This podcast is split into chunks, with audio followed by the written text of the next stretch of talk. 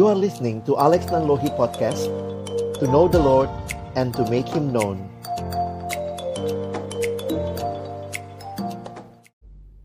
Halo, selamat malam teman-teman. Malam teman-teman. Senang ya kita bisa ketemu lagi dengan teman-teman semua dengan kami berdua, saya Alex dan Debbie. iya dan kita malam hari ini ingin angkat tema apa nih, Dek? Jadi kan kalau dalam IG Live sebelumnya kita Ya. ngomongin tentang kehendak Allah nih bang. Kehendak Allah ya. mhm. Nah IG Live malam ini nih kita mau ngomongin tentang eh, kalau eh, eh terkait dengan kehendak Allah, Mhm. bagaimana dengan eh, perencanaan? Apakah akhirnya karena oh ya udahlah eh, harus cari kehendak Allah, karena itu nggak usah merencanakan, atau kalaupun misalnya oh eh, mencari kehendak Allah dulu, baru nanti ngerencanain, atau gimana nih? Hmm. terkait dengan eh, merencanakan atau membuat rencana dan juga kehendak Allah itu sendiri. Wah, ini pertanyaannya jadi pergumulan banyak orang ya. Yes. Dan mungkin ini berkaitan ini juga kali deh ya sama Mm. seluruh bidang kehidupan. Karena realitanya di tengah kehidupan juga kita eh, ngalamin kali ya yang Mm. namanya eh, Tuhan apa sih yang jadi rencanamu begitu ya. Mm. Terus kalau kayak Tuhan merencanakan terus ngapain lagi gue merencanakan iya, gitu ya. udah go with the flow aja kan. Toh Iya, segala iya, sesuatunya Tuhan yang atur nih. Jadi ya Hmm. udah nggak usah ngebuat rencana. Hmm. Sesuai aja, eh, ikutin aja kehendak Tuhan kayak gimana. Atau gimana tuh? Ya mungkin em, bagus juga ya kita lihat apa yang ada di dalam firman Hmm, hmm, Tuhan karena menurutku ada satu bagian Alkitab yang menarik tuh ya Hmm. yang membuat kita juga bisa melihat dengan tepat kali Oke. ya. Nah aku bacain dari eh, satu bagian firman Tuhan di kitab Yakobus Mhm. pasalnya yang keempat. Kitab Yakobus pasal yang keempat ayat yang ke-13 sampai dengan ayatnya yang ke-15. Oke. Oke, bisa bacain deh. Yakobus Yakobus 4 4 ayat 13 sampai dengan 15. Jadi sekarang, hai kamu yang berkata, hari ini atau besok kami berangkat ke kota Anu, dan di sana kami akan tinggal setahun dan berdagang serta mendapat untung. Sedang kamu tidak tahu apa yang akan terjadi besok. Apakah arti hidupmu? Hidupmu itu sama seperti uap yang sebentar saja kelihatan lalu lenyap. Sebenarnya kamu harus berkata, jika Tuhan menghendakinya, kami akan hidup dan berbuat ini dan itu. Nah, banyak orang melihat ayat ini lalu jadinya itu tuh deh merasa ya udah berarti ngapain merencanakan kalau buat ternyata iya gitu. jadi ini juga masalahnya sering kali ada ayat-ayat yang diambil tanpa memperhatikan konteks Hmm. lalu kemudian kita membangun apa ya semacam teologi kita atau pemahaman dari situ dan akhirnya eh, bisa tuh nggak ngerencanain bilangnya apa tuh kan ada ayatnya Iya iya iya. Tuhan kan udah bilang ya udah penting berserah aja begitu nah aku lihat sih ini jadi satu pen- hal yang penting untuk kita sama-sama sikapi dengan benar Hmm. Dan melihat ayat ini secara khusus Iya iya. Nah, iya, iya. ada dua hal mungkin ya yang Hmm. aku ingin ingatkan dalam mengerti ayat ini berkaitan dengan juga perencanaan, Dek. Karena Hmm. sebenarnya memang menarik ya kalau perhatikan bahwa eh, bagian ini Hmm. Yakobus sampaikan yang dia soroti sebenarnya adalah kesombongan. Oh oke. Dalam hal apa nih bang? Dalam hal merasa diri mampu, Hmm. merasa diri segala-galanya. Oke. Nah, karena itu kalau kita perhatikan, aku baca ya Mhm. secara khusus ayat Mhm. 14. Jadi ayat 14 ini eh, coba kita lihat bagian awal dan akhirnya. Oke. Perhatikan bagian awal ayat 14 ketika Mhm. dikatakan begini ya, sedang kamu tidak tahu apa yang akan terjadi Besok. besok. Mhm. Jadi yang pertama teman-teman dan saya harus ingat bahwa kita tidak sanggup mengontrol masa depan hari Mhm. esok. Benar. Dan dalam keyakinan itu, kesadaran itu justru di situlah kita membutuhkan Tuhan. Hmm. Dan Tuhan memang adalah pribadi yang sudah punya apalah ya eh, rencana yang indah buat kita. Hmm. Nah, ini yang cara kita mengerti bagaimana itu yang yang aku ingat bahwa bukan berarti nggak merencanakan. Mhm. Tetapi waktu kita merencanakan, kita harus ingat bahwa kita nggak sanggup mengontrol apa yang akan terjadi kemudian. Oke. Nah, itu yang pertama. Jadi ingat tentang siapa Tuhan, dialah yang memegang masa depan. Yang kedua, di akhir ayat yang ke-14, Yakobus pasal 4 ayat 14, di sini dikatakan hidupmu itu Mhm. sama seperti uap yang sebentar saja kelihatan lalu Lenyap. lalu lenyap. Jadi waktu merenungkan ini, wow, ini menunjukkan tentang siapa kita. Hmm. Jadi kalau tadi di bagian awal ayat 14 menunjukkan siapa Allah, bahwa Allah adalah yang memegang masa depan, hari esok, dia yang mengontrol segala sesuatu, maka yang kedua mengingatkan betapa terbatasnya kita. Oke. Cuma digambarkan seperti Uap. uap. Pernah lihat uap nggak?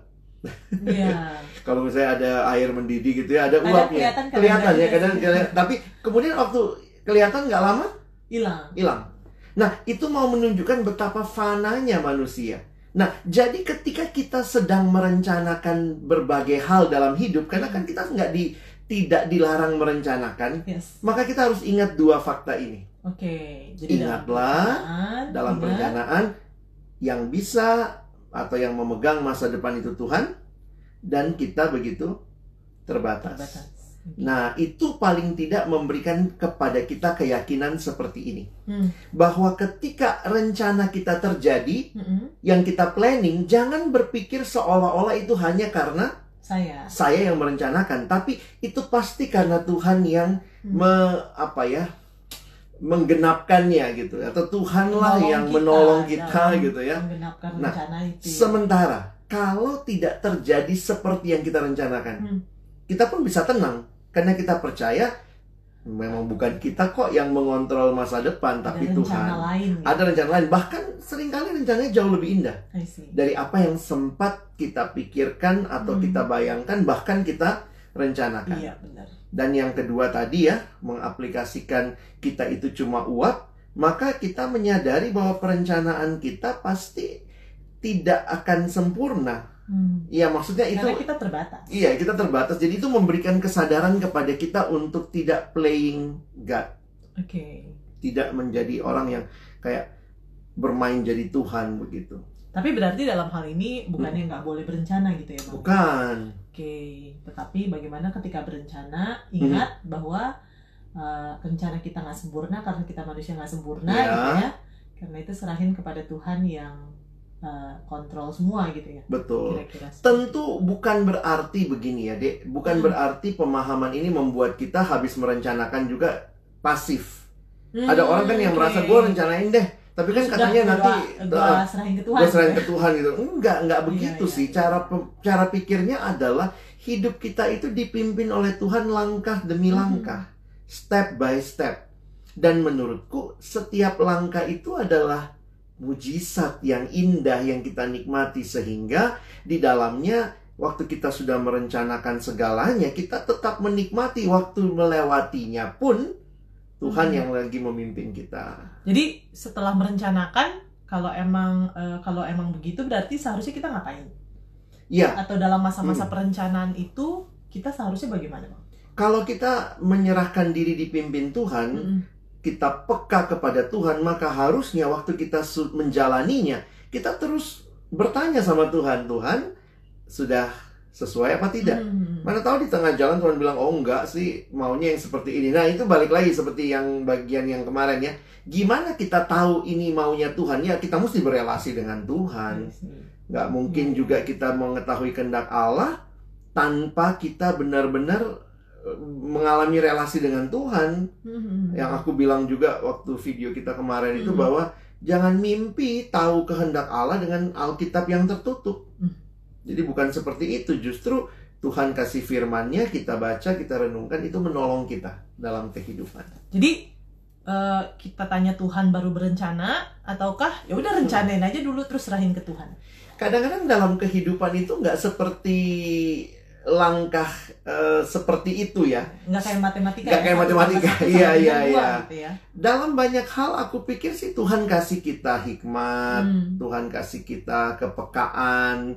Jadi silahkan nikmatinya sebenarnya bukan nikmati rencanaku apa rencana Tuhan ya semata-mata, tapi nikmatilah dipimpin Tuhan yang indah gitu loh, Hmm. langkah demi langkah. Jadi nggak ada masalah dong ya kayak misalnya mungkin ada alumni yang saat ini lagi bergumul nih udah lulus mungkin juga udah kerja gitu ya Hmm. Iya. kemudian dia lagi berpikir gitu merencanakan masa depan Oke. Katanya kan ada quarter life crisis nih bang ya Krisis mulu. kan katanya dalam quarter life crisis Iya. itu mungkin karena mungkin nggak punya tujuan hidup katanya Betul. salah satunya gitu ya Mm-mm. sehingga eh, dalam rangka itu berarti harus eh, matang perencanaannya terkait dengan quarter life crisis itu jadinya. Hmm, hmm. harus matang nih kapan kamu harus punya mobil? Kapan harus punya rumah? Gitu kan? Hmm, Eh, ayo ditulis gitu mungkin. Tahun berapa? Setelah berapa tahun kerja mau dapat mobil? Gitu kali ya. Itu kan perencanaan Ah, ah, perencanaan ah. hidup lah ya. Lalu kemudian investmentnya mau kayak gimana? Mau kayak apa? mau kerja di mana setelah lima tahun misalnya itu tuh kayak gimana tuh bang maksudnya Si- silahkan sih kalau menurutku. Kalau menurutku silahkan merencanakan Tuhan Hmm. kasih kita Tuhan kasih kita pemikiran dan di dalam kitab Amsal kan dikasih tahu belajarlah pada semut. Hmm, Sebenarnya kan waktu dikasih tahu belajarlah pada semut, poinnya itu adalah masalah perencanaan. hmm, bahwa jadi semut aja ngumpulin. ya Iya, ngumpulin sesuatu untuk eh, ngumpulin untuk musim yang berikutnya kira-kira begitu ya. untuk musim dingin lah Ah, ah, musim dingin kan waktu konteksnya kan mungkin juga semut juga males mager gitu. nah, poinnya beku bang kalau Beku. musim dingin Poinnya adalah di tengah-tengah situasi kita merencanakan, silahkan rencanakan semuanya. Tapi ini masalah sikap hati sih menurutku. oke Sesudah saya merencanakan, saya memikirkan apakah saya merasa diri sayalah segala-galanya. Hmm. Nah karena itu kalau kita perhatikan balik ke ayat tadi yang di apa ya, yang dikoreksi oleh Yakobus bukanlah masalah perencanaannya, Hmm. tapi kesombongan. Oke. Karena itu dia ingatkan, ingat loh Tuhan yang kontrol masa depan dan ingat loh kamu cuma uap. Iya. You are Yang only mist yang fana. Nah, sehingga lihat di bawah bagian bawahnya ya. Coba Hmm. aku baca lagi ayatnya mengatakan begini ya. Mm-mm. Nah, harusnya atau sebenarnya ayat 15 kamu harus berkata jika Tuhan menghendakinya kami akan hidup dan berbuat ini dan itu. Apa sih yang sebenarnya mau dikalimatkan atau ditunjukkan dengan kalimat ini? Kerendahan hati. Hmm, oke. Kerendahan hati untuk berserah sama Tuhan. Hmm, Jadi ini kalau misalnya ya teman-teman berinvestasi, merencanakan, mau planning, kan kalau kita merencanakan Tuhan kasih kita otak yang baik gitu ya. Hikmat lah ya, maksudnya Hikmat. dikasih logika juga berpikir Berapa ya. gaji, Uh, berapa yang dikasih sebagai persembahan, berapa yang ditabung. Mm-mm. Yang ditabung ini mau dibuatin mau dibuat jadi apa misalnya? Apakah kita investnya di rumah kah, Mm. di kendaraan kah, atau mungkin mau investasi dengan bentuk yang lain? Silahkan merencanakan, tapi waktu kita menjalaninya, nah ini mesti ingat nih. Mm. Jangan berpikir bahwa investasi itulah yang membuat hidup kita tenang. Oke. Jangan berpikir bahwa kalau Iya. punya kendaraan itu maka saya akan lebih tenang. Hmm. Tapi kembali menyadari bahwa Tuhanlah segala-galanya. Nah itu sikap hatinya yang seperti itu tuh yang aku pikir eh, jangan dibenturkan antara merencanakan dan kehendak Tuhan, tetapi menikmati Tuhan hadir di dalam kita menjalani hidup yang sudah kita rencanakan itu. Oke. Nah, dan di dalamnya aku pikir many surprises. Aku punya rencana jadi sarjana komunikasi. Kepikir jadi presenter lah, kerja di TV, radio gitu ya. Eh, Tuhan punya rencana yang lebih indah. ya, banyak yang bilang, wah si Alex nih eh, lari dari panggilan. Eh, maksudnya, kamu kan harusnya jadi PR gitu ya. Saya bilang, ya sekarang saya jadi PR-nya Yesus. itu itu mungkin nggak pernah nggak nggak ya nggak pernah kebayang bahwa kita bukan sedang berbicara eh, rencana kita semata-mata. Hmm. Kalau aku suka bayangin begini ya, ini masalah sikap Hmm. hati ya. Hmm. Saya bikin rencana nih. Hmm. Nah setelah saya buat rencana, saya serahin sama Tuhan. Hmm. Polanya adalah begini. Kalau rencanaku Hmm. beda sama rencana Tuhan, dalam pergumulan saya makin mengerti Tuhan mau apa. Kalau rencanaku beda sama rencana Tuhan, rencana siapa yang mesti diubah? Kita lah. Nah, jadi sebenarnya di, menikmati dipimpin Tuhan tuh itu indahnya. Jadi Terus konsultasi. rencanakan tapi konsultasikan terus. gitu iya, ya dan itu Tuhan, terus ya, jangan cuma sekali ya. Kadang-kadang ada orang yang merasa dia pikir ya udah sekali saya udah doain di awal maka ini menjadi sesuatu yang Seumur- selamanya. eh, selama-lamanya. Ah, ah. Iya. kita bergantung sama Tuhan tuh bukan satu kali selama-lamanya tapi setiap waktu. Gimana nih Bang kalau misalnya udah yakin banget nih rencananya udah Hmm. mateng banget dan udah apa namanya mempersiapkan segala sesuatunya demi Hmm. rencana itu. Tiba-tiba gagal. Ya itu balik lagi tadi. Kita tidak bisa mengontrol masa depan. Di situlah kita harus bisa melihat Tuhan kalau saya sudah rencanakan. Ketika misalnya ya tidak mencapai, tidak tercapai nih. Hmm. Gimana cara evaluasinya? Aku pikir sih selalu begini. Kita bisa bertanya tuh. Tuhan mau saya belajar apa? Oke. Tuhan lagi ingin apa nih dalam hidup Hmm. saya? Kadang-kadang kita suka terbalik sih, Dek. Yes. Karena logikanya kan sebenarnya begini. Kalau rencana kita berhasil, itu Mm. pasti karena Tuhan. karena Tuhan. Kalau rencana kita tanda kutip tidak terjadi, gagal, kadang-kadang kita langsung bilang, oh ini rencana Tuhan. Hmm, hmm, hmm. Tapi begitu berhasil, oh puji diri, haleluya. Hmm. Jadi kadang-kadang kok jadi kebalik ya kalau berhasil kita iya ya saya karena udah merencanakan saya udah Hmm. jauh-jauh hari harusnya kita usaha balik kita lah ya. usaha kita usaha kita harus ditempatkan dalam pola pikir yang tepat begitu. I see, I see. Mm-mm. Ini ada dari Sarah tadi ya. Oh Sarah nanya dan ternyata udah terjawab ya. Ini pertanyaannya deh. Shalom, mau tanya bagaimana kita tahu bahwa jalan kita sudah sesuai Hmm. dengan rencana Tuhan. Terima Iya, kasih Kak. Kita udah jawab tadi ya. Iya. Nah ini ada lagi yang mau nanya nih ya. Oke silakan deh bacain. Bang, segala sesuatu yang sudah terjadi itu bisa dibilang seturut kehendak Allah semua kah? Nah, ini agak teologis sih ya. Tapi mungkin ini menolong. Saya Hmm. cuman bilang bahwa begini. Kita ini manusia Mm-mm. yang sadar betul bahwa kita bukan Allah. Yes. Tetapi bagaimanapun kita harus bisa melihat bagaimana Allah hadir dalam hidup kita di dalam segala aspeknya. Hmm. Nah, sehingga di dalam teologi ya, ada hamba-hamba Tuhan yang punya pendekatan membedakan antara Nah, ini dengerin baik-baik ya. Membedakan antara rencana Tuhan sama kehendak Tuhan. Gimana bedanya tuh? Rencana Tuhan itu sesuatu yang sifatnya statis, mirip blueprint. Sehingga rencana Tuhan bisa gagal nggak? Enggak dong harusnya. Nggak bisa gagal.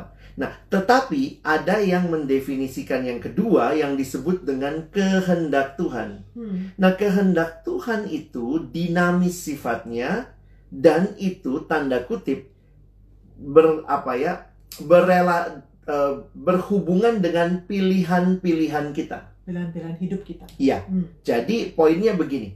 Kenapa kita agak sulit bicara rencana Tuhan? Karena rencana Tuhan itu ada dalam wilayah kekekalan dan Kita kita nggak tahu. Kita nggak tahu karena kita bukan Allah. Yes. Tetapi di dalam wilayah sejarah ada yang namanya kehendak Tuhan. Yang bisa kita lihat lah. Bisa Atau kita- Tuhan nyatakan. Tuhan nyatakan kepada kita seperti yang kita bilang ya. Nah, pertanyaannya begini, apakah kehendak Tuhan mungkin kita tidak taati? Mungkin. Mungkin. Tapi rencana Tuhan bisa gagal nggak? Enggak. Nah, itu misterinya di situ. Sehingga ada satu lagu yang aku pikir waktu penciptanya nyiptain apa dia ngerti apa enggak ya, tapi Hmm. kalimatnya begini. Pimpin aku masuk rencanamu. Jadi sebenarnya pilihan-pilihan hidup yang terkesannya pilihan kita di dalam anugerah Tuhan itu sedang Tuhan bawa menggenapi Rencana. rencananya. Diarahkan gitu. Dan rencananya ini mungkin nanti kita tahunya nanti. Hmm. Masih ingat yang aku ceritain tentang Yusuf? Yes.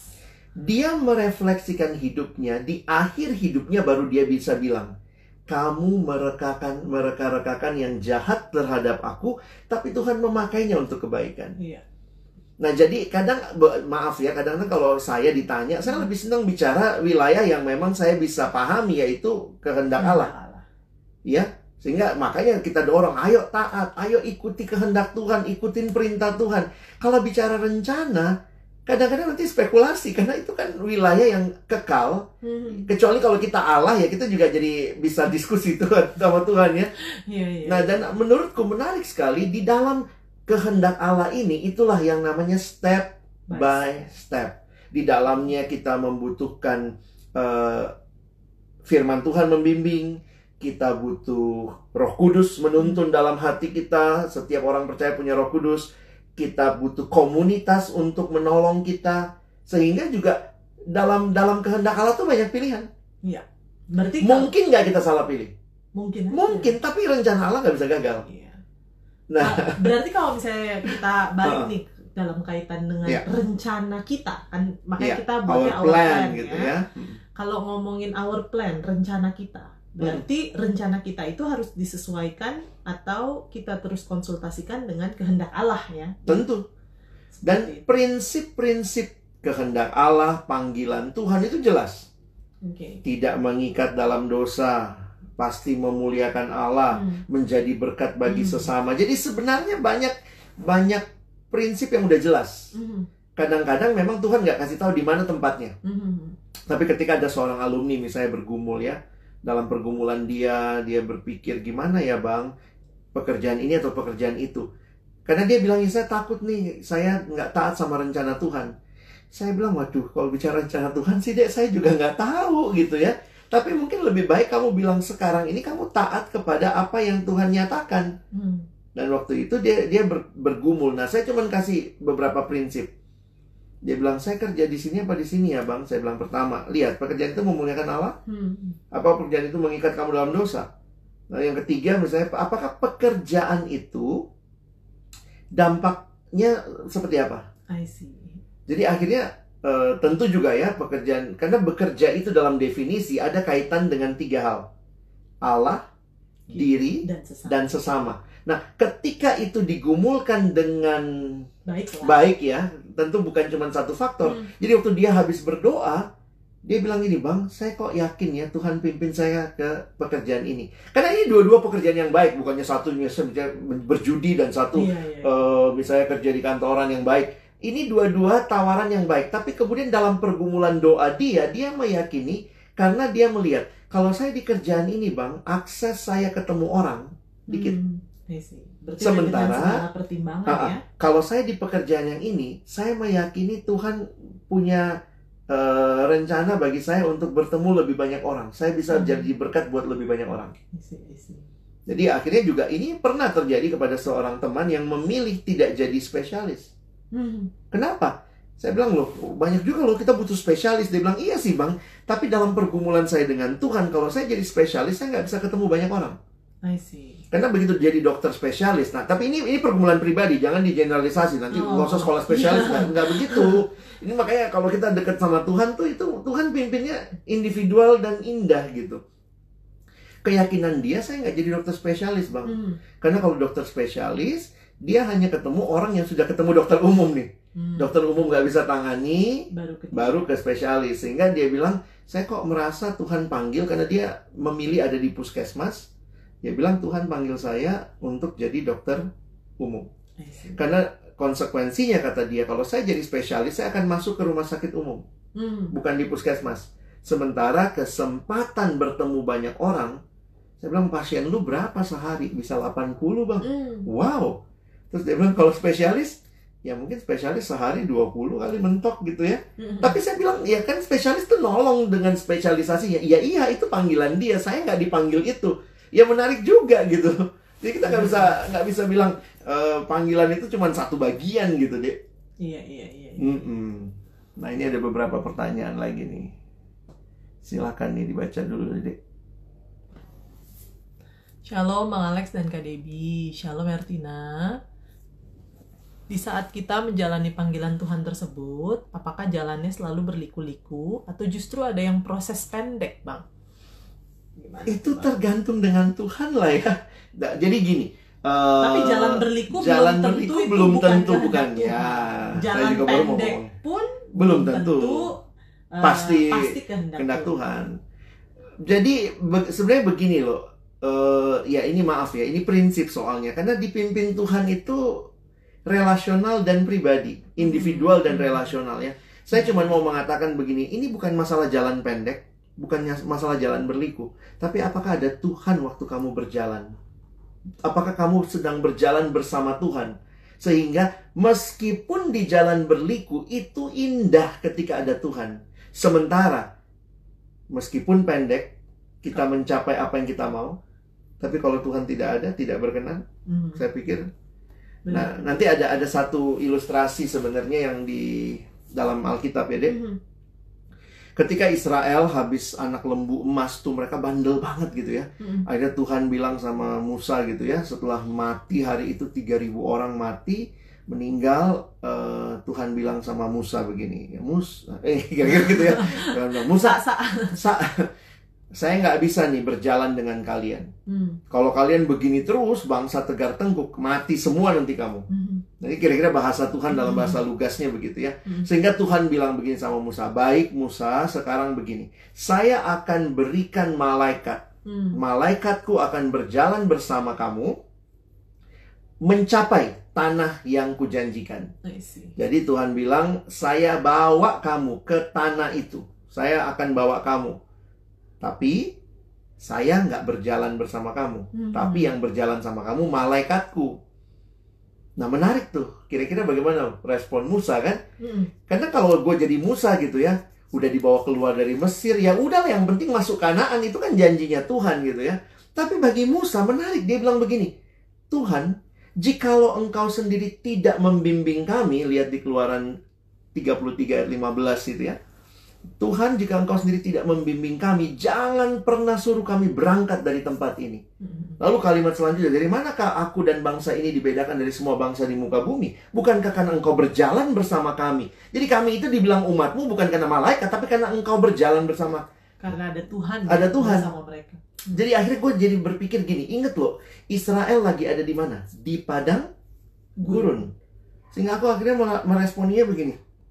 Waktu aku saat teduh, aku dapat eh, pengertian lebih baik bersama Tuhan di padang gurun daripada masuk Kanaan Tanpa, tanpa Tuhan. bersama malaikat. Eh, eh, mencapai kanaan tanpa Tuhan. Jadi akhirnya eh, makanya kenapa aku bisa jawab begitu ya, Dek. Mhm. Eh, bukan masalah jalannya berliku apa tidak, tapi pastikan aja kamu. Jadi kamu lagi jalan jalan Tuhan nggak?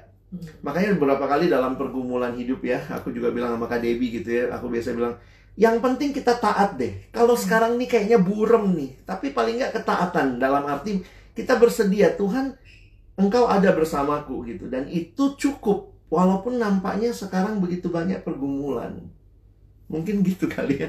Silakan deh dinaikin lagi. Sorry, mesti di bawah ya. Oke, hmm. lagi. Thank you yang buat udah nanya ya. Ini dari Sandro.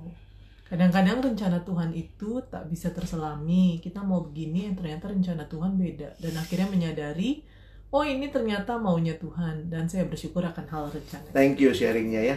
Nah, mungkin eh, makanya saya bilang tadi ya, em, bahasanya ini yang kita harus pahami. Mhm. Karena kalau kita salah berteologi ya bahasanya nanti kesannya rencana Tuhan bisa gagal. Mhm. Yang tidak bisa gagal itu rencana Tuhan. Yang bisa kita tidak Yang- taati. Yang tidak bisa gagal. Oh, yang tidak bisa gagal itu, sorry. Yang tidak bisa gagal itulah rencana Tuhan. Yang sebenarnya kita nggak tahu detailnya, karena itu ada dalam wilayah seperti kekekalan, apa. akan seperti apa. Tetapi yang bisa kita ikuti adalah tuntunan Allah atau kehendak Allah. Jadi Step kalau pakai step itu ya. bahasa tuntunan atau kehendak dan di dalam tuntunan atau kehendak respon kita adalah taat.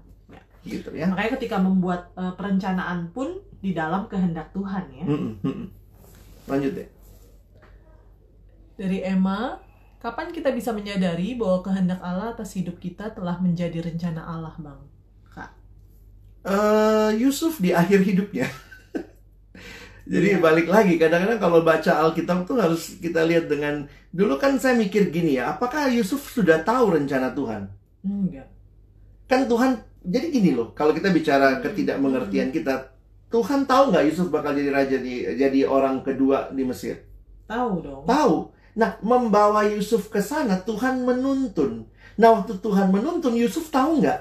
Menurutku nggak. Mhm. Kalau dia tahu kan kita kan udah baca ceritanya. Kadang-kadang itu yang aku bilang ya. Apakah waktu Yusuf dibuang ke sumur terus dia bilang apa sama abangnya? Eh buang aja, buang aja rencana Tuhan tergenapi. Jadi poinnya adalah bukan tahu rencananya atau tidak, Tapi kamu dan saya dalam sejarah, dalam waktu ini taat nggak dipimpin? dalam waktu hidup lah ya Iya. dalam perjalanan hidup Dan waktu kamu dan saya belajar taat dipimpin Tuhan, meskipun kayaknya eh, apa ya, eh, yang ingat Padang apa, gurun padang gurun, eh, tidak mengerti. Percaya sajalah bahwa rencana Tuhan yang nanti, yang memang the the ya yang real one. the real the real plan for you. Dan ingat loh ya, nah ini ini perlu kali ya, maaf Hmm. saya harus berbicara dengan jujur buat teman-teman. Jangan pikir semua rencana Tuhan adalah sesuatu yang pasti kita baik. Pasti kita aman, pasti kita nggak kenapa-napa, pasti kita eh apa sih istilahnya dek? ya itu tadi lah Contoh, maaf ya ini langsung main contoh. Musa lah nggak usah jauh-jauh Saya maunya pakainya Oh, iya. Stefanus. oh iya oke Indah nggak rencana Tuhan buat dia? dalam kacamata manusia Kan kacamata manusia mati ya? loh. Mhm. Tapi matinya itu indah rencanamu Tuhan di dalam hidupku. Jadi akhirnya teman-teman ini cara kita mengerti rencana Tuhan juga loh. Kadang-kadang kita dibuat begitu rupa oleh dunia mengerti rencana Tuhan itu sukses, karir, dapat eh, pekerjaan yang luar biasa, tidak ada hambatan, semua aman, punya uang banyak, punya keluarga, punya anak, cucu segala macam. Bisa, Tuhan sanggup kasih itu. Tapi apakah memang itu? Jangan-jangan ketika Tuhan eh, kamu berjalan dalam Tuhan karena ikuti kehendak Tuhan, kamu nggak dapat posisi di kantor. Mhm. Kenapa? Karena kamu terlalu jujur. Sementara yang dapat posisi mungkin yang penjilat atau yang apa. Ketika kamu jujur. Jadi rencana Tuhan tuh yang mana? Kadang-kadang orang selalu bilang, gue nggak tahu apa rencana Tuhan buat hidupku. Dalam hati, sebenarnya Tuhan udah nyatakan ya tetap hidup jujur meskipun kamu dicela itu rencananya Tuhan. Jangan dibalik bahwa Tuhan saya mau enak kayak orang itu dan kalau bisa ya saya ikut aja gaya hidup dia. Tentu kita maunya apa? Maunya rencana yang nyaman ya, tapi balik lagi tergantung Tuhan lah. Mhm. Dan kalau Tuhan izinkan itu, saya yakin banget ayat firman Tuhan, Tuhan sudah kasih kamu kekuatan. Sehingga kamu dapat menanggungnya. 1 Korintus 10 ayat 13. Jadi sorry ya kalau malam ini mungkin teman-teman diobrak-abrik pemahamannya tentang rencana Tuhan. Karena banyak kali kita terlalu gampang ngomong rencana Tuhan. Padahal kita bukan Tuhan. Mhm. Gitu ya. Silakan. Apakah rencana Allah bisa kita sebut sebagai penggenapan terakhir Allah buat hidup kita, Bang? Bisa aja. Tapi maksudnya Mungkin eh, saja. mungkin saja ya. Jangan jangan terlalu sibuk sama definisi dalam arti begini ya. Seolah-olah nanti eh, inilah itulah gitu ya. Tetapi coba nikmatilah pimpinan Tuhan. Aku ingat satu ilustrasi. Bang, yang waktu itu pernah aku dengar. Hmm. Jadi ilustrasinya itu eh, perjalanan hidup atau sejarah dunia itu kayak sebuah garis. Iya. Inilah eh, Linear, rencana ya. rencana Tuhan tuh garis gitu ya, garis Hmm, linear. hmm, Nah di dalam garis yang linear rencana Tuhan itu di dalamnya ada eh, saya, kamu, Oh. Nah, masing-masing itu sebenarnya cuma titik, tapi titik-titik Mm-mm. yang mungkin eh, apa namanya terhubung akhirnya, Eh, Mm. apa namanya terhubung titik-titik yang di dalamnya kita eh, terikutlah dalam rencana Tuhan. Jadi mungkin Oke. poinnya adalah bukannya kita gimana ngomongnya ya kita ini kehadiran kita dalam dunia ini sedang ada dalam rencana Tuhan Ya. Eh, yang linear itu Mhm. eh, apa namanya eh, kalaupun akhirnya eh, kita tahu atau enggak ya kita sedang ada dalam Ya. maksudnya kita tahu Bukan masalah kita tahu Iya, apa tidak ya, tapi heeh. sebenarnya waktu kita sedang taat, kita sedang Mm-mm. ada dalam garis itu. Iya. Kira-kira seperti itu. jadi Aku setuju sih. bukannya bukan dalam artian eh, apakah nanti di akhir hidup kita akan tahu rencana Tuhan ya kita nggak Nah. tahu juga ya karena bisa jadi begitu. bisa jadi akhir hidup kita itu menjadi awal rencana Allah buat yang lain maksudnya Itu persis seperti yang terjadi pada hidupnya Stefanus. yes Menurutku ya, dalam pengertian sederhana, Hmm. Stefanus juga manusia. Mm-mm. Dia waktu meninggal, dia memang dengan yakin banget dia bilang ya Bap, ya Tuhan sambutlah rohku begitu ya. karena dia punya dapat visi juga itu Tapi ya mungkin juga waktu dia menghayati ya memang bukan hal yang indah sampai indahnya apa nih? Hmm. Kalau kita bilang indahnya mati di martir dibunuh itu mah nggak indah. Nanti lihat lagi Rasul Paulus matinya di penjara karena pemberitaan Injil, dipenggal bahkan. Itu nggak indah menurut manusia. Tapi bayangkan keindahannya itu Allah yang rajut dalam rencananya yang jauh lebih luas. Nah ini mungkin kalimatmu Hmm. tadi ya. Rencana Allah itu jauh lebih luas daripada rencana Allah cuma buat dirimu dan diriku. Yes. Jadi kalau kita cuma mau tahu, Tuhan eh, nanti aku menikah sama siapa ya, Iya, iya. anakku berapa ya, anak cucuku berapa ya, itu tuh sangat sangat sangat egois. Eh, kamu pakai kata eksklusif, aku pakai kata egois. Tuhan itu punya rencana Hmm. bukan cuma buat dirimu, Yes. untuk dunia di mana engkau dan saya hidup. Berapa banyak orang yang melalui hidup kita akan kenal Tuhan, Mm-mm. akan tahu anugerah Tuhan, dan menurutku itu yang terjadi pada hidupnya Stefanus. Iya. Begitu Stefanus mati, yang manusia pikir jelek matinya di penjara apa di Rajam. martir, dirajam ya. Tapi lihat kisah Rasul pasal 8, Delapan. langsung ayat kedua mengatakan karena eh, setelah timbullah penganiayaan yang besar maka tersebarlah para Para rasul. rasul eh, Eh, orang-orang ya, eh, rasul-rasul yang tinggal di Yerusalem. Jadi bayangkan sebenarnya sampai kisah Rasul 7 itu semua orang ngendon di Yerusalem. Yerusalem. Padahal Tuhan bilang di kisah Rasul 1 ayat 8 kamu akan jadi saksi mulai dari Yerusalem, Yudea, Samaria sampai ujung bumi. Nah, gimana Injil keluar dari Yerusalem? Kematiannya Stefanus. Jadi Yes. kadang kita pikir jadi gini, kalau teman-teman dan saya berjuang di dalam anugerah Tuhan tentunya, hidup dalam ketaatan, maka rencana yang Tuhan genapkan bukan cuma rencana buat hidupmu, Yes. tapi untuk dunia ini, Hmm. untuk keselamatan orang yang belum kenal Tuhan, bukan kita juru selamatnya, tapi bisa melalui hidup kita, Tuhan bawa orang lain kenal Dia. Jadi jangan jangan pernah menilai hidup itu cuman masalah kok gua nggak dapet yang orang lain dapet, kok hidup gua sedih banget ya Tuhan, itu terlalu ya terlalu Iya. terlalu ah susah ngomongnya ya. terlalu sedih lah kalau hidup dilihat cuman seperti itu. Ini Stephen nih, hai Stephen. Kok aku jadi makin sadar memang ada hal-hal umum Tuhan sudah kasih tahu soal kehendaknya. Tapi aku jadi bingung kalau bikin yang baik pun bisa jadi bukan kehendak Tuhan. Eh tapi mungkin nggak ya? Yakini kalau dalam kehendak Tuhan sesuai firman, walaupun hasilnya ketika kamu misalnya jujur orang benci sama kamu atau apa, itu itu Tuhan mau. Apa sih istilahnya? Eh, i- i- apa ya? Ke- kalau kita taat sesuai dengan kehendak Tuhan, menurutku itu kehendak Tuhan. Jadi jangan lihat outputnya baik atau enggak Betul. gitu ya. Seperti itu. Jadi Tetapi pilihannya eh, yang kita lakukan tetap gitu. melakukan apa yang Allah kehendaki lah seperti itu kira-kira. Hmm. Demikian juga dalam ya dalam kehidupan lah ya. Nah ini tadi kasih contoh ya. Eh itu itu Yusuf kan katanya tahu, tapi Esther sudah dikonfirmasi jadi ratu itu kehendak Tuhan. Maaf kalau agak mentang. No problem, tapi eh, Yusuf Ya. kan katanya tahu. Taunya di akhir. ya Di akhir Esther hidup. sudah di. ka- Kadang-kadang gini ya, cara Tuhan memimpin itu tiap orang tuh berbeda-beda gitu. Bisa, saya pun bisa bilang ya bahwa sekarang ini rencana Tuhan buat saya. Tapi poinnya adalah waktu melihat yang sementara ini, kalau lagi baik gampang bilang rencana Tuhan. Tapi misalnya lagi nggak baik nih, tiba-tiba ada kedukaan di keluarga, ada masalah di pekerjaan. Nah itu yang kadang-kadang saya pikir ketika kita menyatakan ini rencana Tuhan atau bukan hanya berdasarkan kita ngalamin apa yang baik atau tidak baik, terlalu cepat kita memutuskan seperti itu, ya. Oke. Silakan dibaca aja deh ini. Belajar tentang rencana Tuhan membuatku semakin sadar bahwa Tuhan itu maha besar. Pekerjaannya tidak hanya untuk aku, melainkan untuk semua ciptaan yang lain juga.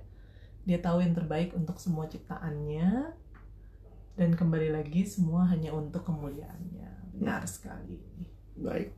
Jadi thank you buat teman-teman yang respon. Aku juga berharap sih ya kita makin bertumbuh kali ya dalam pemahaman kita tentang apa yang jadi rencana Tuhan. Jadi kalau ada kegagalan, kekecewaan, dan kesedihan, itu kehendak Allah atau rencana Allah, Bang? Kita mesti lihatnya dua hal deh. Pertama, kita ada dalam dunia yang sudah jatuh dalam dosa sehingga pasti kita akan melewati hidup yang seperti ini. Hmm. Tapi yang kedua, sejauh kita melewati hidup yang seperti ini, kita datang sama Tuhan, kita berserah sama Tuhan, kita tetap menyatakan Tuhan, Engkau baik walaupun yang aku alami aku belum bisa ngerti di mana baiknya, Hmm. tapi Engkau tetap baik. Jadi poinnya adalah kegagalan bisa jadi jadi cara Tuhan untuk mendewasakan kita. Tapi tentunya mungkin awalnya juga ya kita harus men- me- mengevaluasi diri. Mhm. Apakah kegagalan, kekecewaan, kesedihan jangan-jangan itu karena kesalahan kita juga? Iya, itu evaluasi hidup Iya, ya. tapi kemudian mesti bergerak lebih jauh lagi. Kalau Hmm. kita udah evaluasi hidup, ini masalahnya apa ya? Hmm. Tapi Tuhan izinkan. Ini mungkin kamu bisa kasih contoh kitab Ayub kali ya.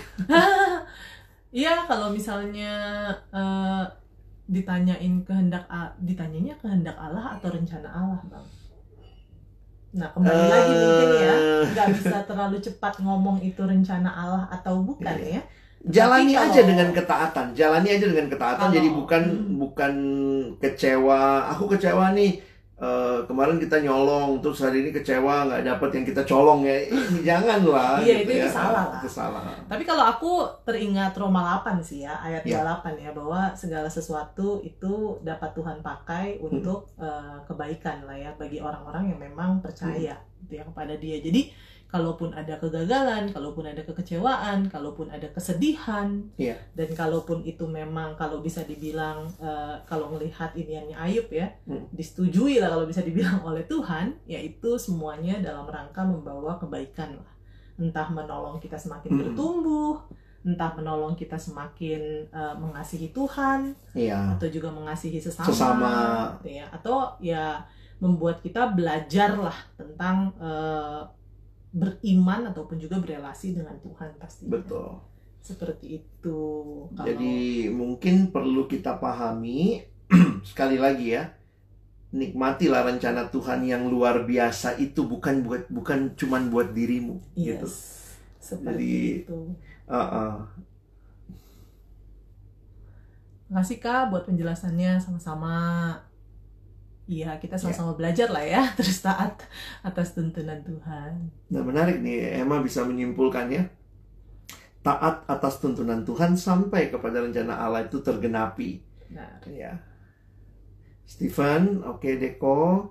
Jadi jangan cepet-cepet bilang kehendak Tuhan. Tapi aku takut ekstrimnya ulur-ulur kehendak Allah. Gua Gak tahu deh, jadi takut ekstrim Iya. aja sih. ya kita makanya sebenarnya ya kalau aku berpikir tentang hal seperti ini mungkin karena kita diajarin dari kecil kali ya eh, rencana Tuhan rencana Tuhan. Lalu kemudian dikatakan rencana Tuhan tuh indah. Hmm. sering kali jadi nggak realistis deh Karena mungkin eh, kata indahnya itu, Bang. Nah, orang mendefinisikan masing-masing Iya, indahnya. Indah dalam pemikiran kita atau ya kalau yang ditawarkan kepada kita indah adalah ya indah. indahnya itu nanti masalah masuknya kepada uangnya banyak Iya, indah punya itu rumah ya hidup Aduh. yang menyenangkan lah. Sebenarnya kalau bicara indah, Yesus tuh paling tidak indah kalau dikatakan rencana Allah dalam hidup Yesus tuh Mhm. gimana matinya Yes. disalib, waktu di dunia juga Mhm. di iniin orang. Jadi kalau benar-benar kita ikut Yesus, sebenarnya kita mesti belajar tuh, Mhm. belajar taat kepada apa yang jadi kehendak Allah. Iya. Dan ketika kita belajar taat pada apa yang jadi kehendak Allah, maka Allah kok yang akan menyambungnya menjadi rencana yang indah. Seringkali bukan kita. Yes. Jadi memang jujur ya, aku agak takut bicara rencana sih. Mhm. Lebih baik bicara kehendak dan waktu saya taat, Tuhan berhas, Tuhan sanggup membuat sesuatu yang lebih daripada sekedar rencana indah yang saya pikirin. Kalau tadi eh, apa namanya disinggung Esther, Hmm. aku jadi ingat ya Mordekai juga kan bilang siapa tahu ya. Ya siapa tahu. Jadi Nah, itu belum bagus ya pasti ya, belum pasti siapa tahu dengan kamu ada di situ di dalam istana, kamu itu dipak ya dipakailah untuk menyelamatkan bangsa Yahudi. Hmm. Tapi siapa tahu, nggak ada yang tahu. Iya, iya.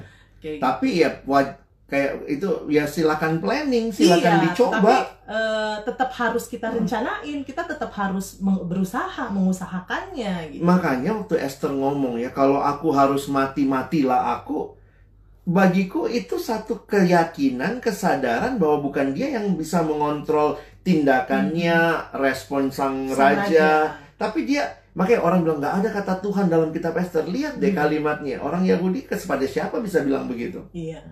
Keyakinan bahwa ada ada pribadi lain yang lebih berkuasa dari dirinya. Hmm. Dan juga dari raja tentunya ya.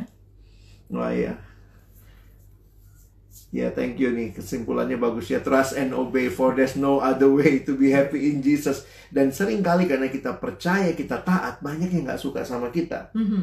Banyak yang anti sama kita. Tentunya kita tetap juga jadi orang yang menyenangkan ya. Jangan jadi orang yang dikit-dikit marah, apa-apa, kesel. Tapi ketika kita pun sudah melakukan itu karena kita trust, kita obey, kita tidak mendapat apa yang dunia pikir baik, Mhm. ya udah bukan itu eh, bukan itu sukacita kita bukan dari situ Hmm. gitu Dan kalau mengerti apa namanya yang tadi eh, kamu juga udah bawain gitu ya dari Yakobus, hal yang pertama kenal siapa Tuhan, harusnya eh, output apa pun yang keluar itu tidak buat kita frustasi ya. Iya. Maksudnya ketika kita berencana pun eh, Nggak- segala sesuatu ya. ber- direncanakan Heeh. gagal, ya karena kita tahu eh, kita itu menjalaninya bersama dengan Tuhan Iya. dan merencanakannya bersama dengan Tuhan, kalaupun diselewengkan atau bukan diselewengkan, dibelokkan gitu ya. Jalannya gitu ya rencananya ya kita nggak frustasi karena kita tahu Nah, cuma- dalam ketaatan. ada juga tuh deh orang suka ngelihat gini ini banyak nih konsep-konsep alumni juga orang-orang Hmm. Kristen. Kalau kita deket sama Tuhan hati-hati loh Tuhan bisa bikin kita eh, melakukan sesuatu yang kita nggak mau. Jadi kayaknya Tuhan itu jahat gitu loh ada ada konsep Hmm, kayak gitu tuh Gimana tuh? Jadi gini, atau gini lah konsepnya. Kenapa ya bang kalau aku makin dekat sama Tuhan kok makin banyak penderitaan? Hmm. Pernah nggak dengar yang kayak Iya. gitu? Dan se- seolah-olah terus aku bilang suka dalam hati ya, Iya, walaupun iya. mungkin kalau kita menjawab harus empati Hmm. ya.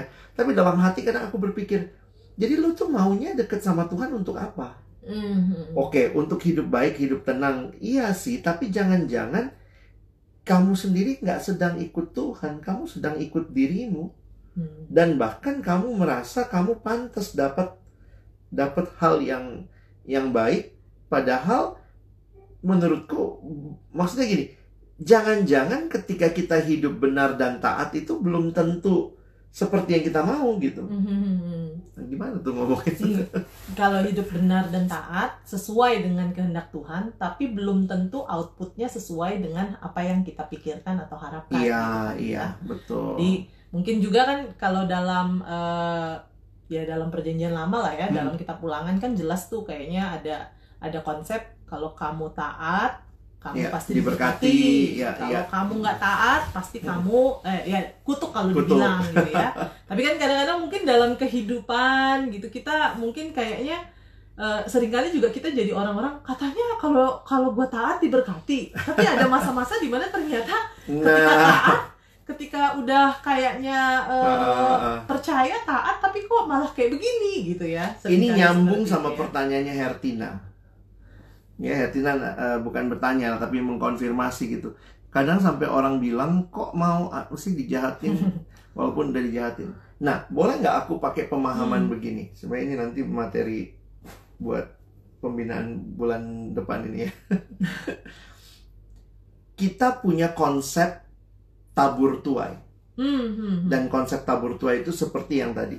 Nah, itu konsep yang natural sekali. Hmm, hmm. Jadi memang dalam dunia natural ini ada konsep apa yang kamu tuai itu karena kamu tabur. Hmm, Nah, termasuk gitu ya. Kalau kamu taat, kamu kamu diberkati. hmm, Kamu tidak taat, kamu dapatnya kutuk. hmm. Itu ada dan itu prinsip umum Hmm. yang Tuhan juga nyatakan dalam perjanjiannya. Tetapi di dalam perjanjian baru ada konsep anugerah. Yes. Nah, waktu bicara konsep anugerah, nah boleh nggak ya kita lihat bahwa ini sesuatu yang lebih tinggi daripada sekedar hukum tabur tuai. Sehingga berlaku prinsip begini. Ketika Tuhan bilang nggak usah bales. Kalau kamu beri dijahatin, pipi uh-uh. kiri eh kalau Nah, kamu dipukul pipi ah, kanan, kanan, beri pipi kiri Jadi poin yang aku hayati waktu mengerti akan itu, itulah yang membuat kekristenan adalah Injil. Mhm. Karena apa? Bukan apa yang kita lakukan lakukan yang kita terima. Hmm. Bayangkan kalau prinsip itu kita alami, apa yang kita lakukan yang kita terima. Binasa kita. Mhm. Karena dalam dosa semua berdosa. Mhm. Sehingga hukum tabur tuai tetap ada, tetap berlaku dalam prinsip umum. Tetapi ketika kita melihat lebih jauh lagi bahwa di dalam Kristus Allah memberikan anugerahnya dan itu membawa kita dalam satu hubungan yang baru dengan Tuhan, yang totally new. yes Jadi kadang-kadang kalau kita berpikir seperti hanya hukum tabur tuai, ya itu baru satu sisi kebenaran. Kita mesti masuk lebih jauh lagi bahwa ada Injil yang bahkan Tuhan memberi apa yang kita nggak layak terima. Karena kalau yang kita layak terima, upah dosa adalah mau mau begitu. ya ya ya ya, Nah, ya. itu mengerti itu tuh butuh ini ya deh. Tapi kalau baca pengkhotbah jadinya menarik ya bang, Iya. itu sangat real gitu dan kalau Hmm. aku ingat salah satu ayat dalam pengkhotbah yang bilang kalaupun manusia bisa makan, minum, bersenang-senang itu semua 3 karena ya, Tuhan. ayat 13 gitu. itu karena Tuhan. Jadi eh, pengkhotbah pun menyadari akan hal itu gitu loh. Jadi dia tidak tidak apa ya kalau bisa dibilang dia keluar gitu ya dari Dari kebiasaan dari kebiasaan, pola pemikiran. Nah, menurutku Ayub juga begitu. Hmm. Jadi kalau teman-teman bayangkan hukum tabur tua itu mewarnai perjanjian lama, tetapi Tuhan pun sudah memberikan seperti hints gitu, Hmm. apa seperti petunjuk Yes. bahwa ada hukum yang melampaui hukum tabur tuai. Dan Tuhan bisa memakai hukum itu. Sehingga waktu Ayub, Ayub kan temennya bilang, kamu pasti kalau begini berdosa. karena Hmm. kamu berdosa. Hmm. Sehingga Ayub disuruh evaluasi diri. Hmm. Ayolah, evaluasi dirimu, apa yang salah? Ayub bilang, aku nggak ngapa-ngapain gitu. Iya. Nah, di situlah aku ngelihat bahwa itulah Injil sebenarnya. Mengerti bahwa anugerah Allah melampaui pelanggaran kita, dan pelanggaran. pelanggaran kita. Nah, karena kalau benar-benar Tuhan pakai tabur tuai, nah lucunya begini, kita yang sudah ngalamin tabur tuai, tapi hidupnya mau hukum, eh kita yang Kita hidup sudah alami anugerah, tapi dalam hidup masih nuntut tabur tuai gitu. Itu kan kadang-kadang udah keluar semua deh yang mau dibawain Iya, bulan iya, depan. iya. Eh, apalagi mana lagi? Nah? Steven nih masalah psikologi nih. Misalnya dalam psikologi teh, Misalnya dalam psikologi tes soal kehendak yang terang-terang kasih tahu versus taat baru kasih tahu. Hmm, maaf ya. turun. Ini ya. Hmm. Misal dalam psikologi tes soal kehendak yang terang-terang kasih tahu versus taat baru kasih tahu dalam jalan. Kira-kira mana yang paling setia? Bingung kupikirnya. Enak aja terang-terangan. Mungkin ini eh, ini ya kita kalau mesti memilih ya kita harus memilih yang yang benar, yang terbaik gitu ya. Iya, Hertina, iya bang, yang aku pegang sampai saat ini juga begitu. Kasihlah sama seperti dirimu sendiri. Oke. Ilustrasi KDB tentang di dalam rencana Allah bukan hanya ada aku kamu, tapi ada rencana Allah untuk banyak orang di sekitar kita. Thank you sudah mengingatkan betapa besarnya luasnya rencana Allah. Iya. Sama-sama. Jadi, iya. Jangan lupa ya, eh, Hmm.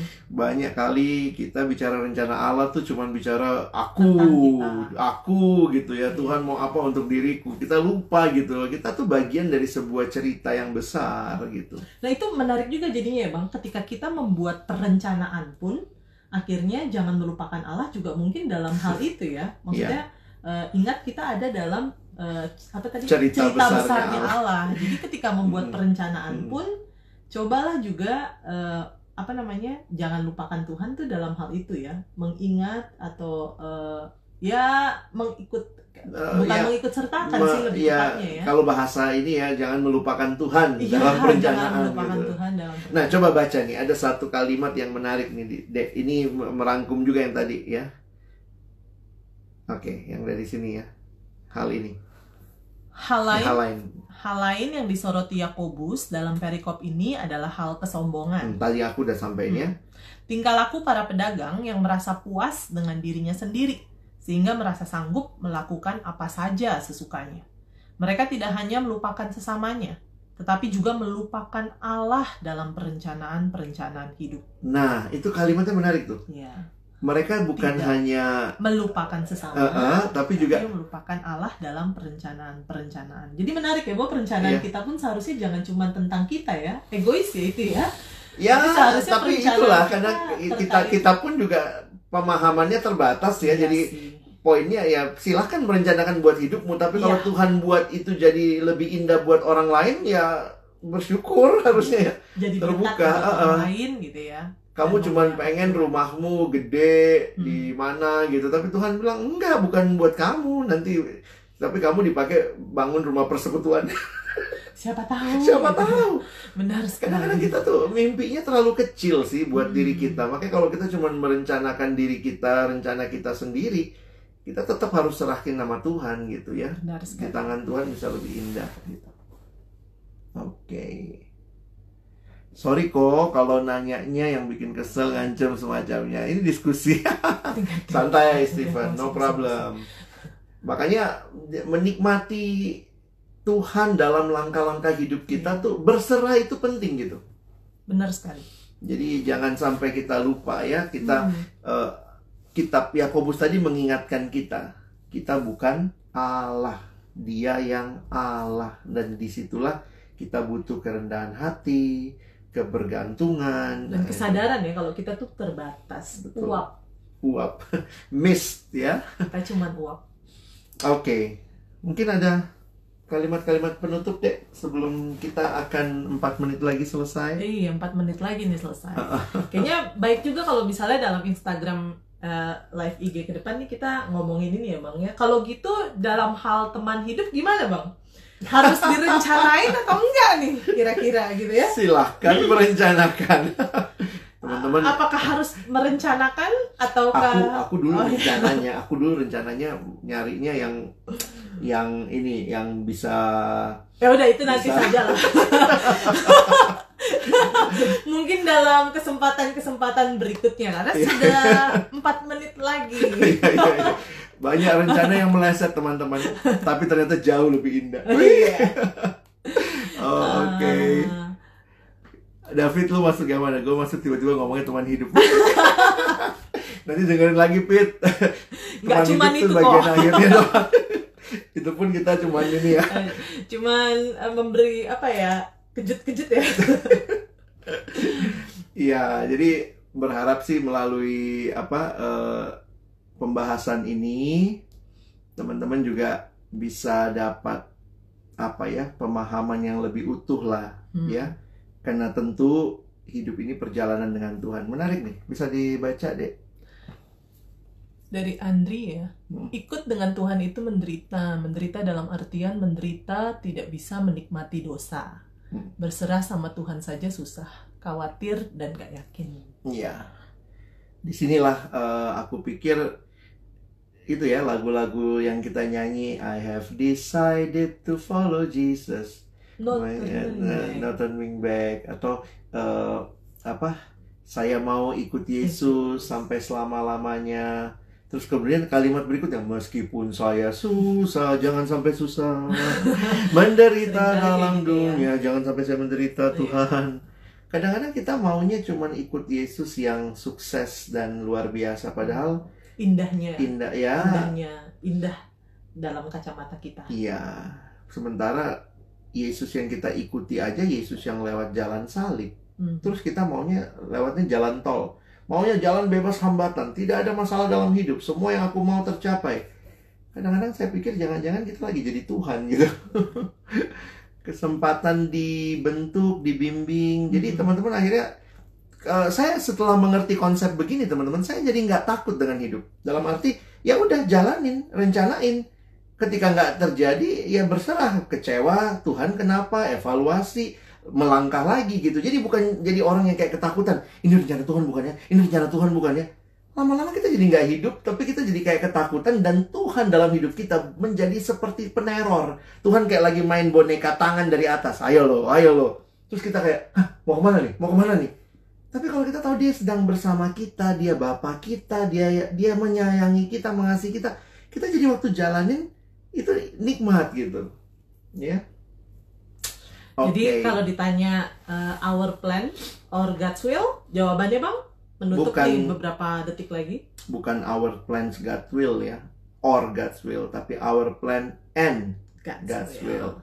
dan di dalamnya kita akhirnya menyadari ya waktu kita planning kita bukan Tuhan Yes. kita hanya uap tapi bersama Tuhan kita bisa menikmati rencana yang eh, apa apa eh, pimpinan Tuhan yang sementara di dalam di dalam kekekalan menjadi hal yang indah begitu Demikian.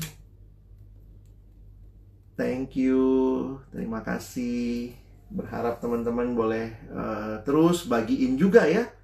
Teman-teman kalau mau hashtag silahkan eh hashtag atau mungkin mau tag gitu ya buat teman-teman yang nggak sempet dengar silahkan. Jadi aku pikir sih kita banyak yang seneng dengar tapi nggak seneng berbagi. Bukan nggak seneng lah ya. Eh, Mi, enggak, Enggak. pemikirannya adalah oh pasti udah denger lah dia. Ya, mungkin belajar berbagi ya. Belajar berbagi supaya juga apa yang mungkin teman-teman rindu, orang lain juga dapat berkat, kita juga bisa share dengan mereka. Terima kasih Terima banyak. kasih teman-teman. Kalau ada eh, ada kesempatan nanti, halo Chris, eh, Christian nih, Christian Andreas, masih di NTT ya dek? Mm-mm. Semangat terus, Tuhan berkati. Terima kasih teman-teman yang sudah join. Oke, Wira Perdana, thank you juga dek. Makasih, eh, sorry ya kita sambil nunggu selesai nih. Bentar lagi. Berapa lama lagi sih? Udah sih harusnya. Aja udah ya, bentar lagi. Kita doa sebentar ya. Ya. Tuhan tolong kami mengerti setiap tuntunan pimpinanmu. Kami belajar taat dan itulah keindahan hidup. Kami bersyukur dalam nama Yesus. Amin. Terima kasih teman-teman. Sampai ketemu. Tuhan Yesus memberkati kita. Bye. Bye.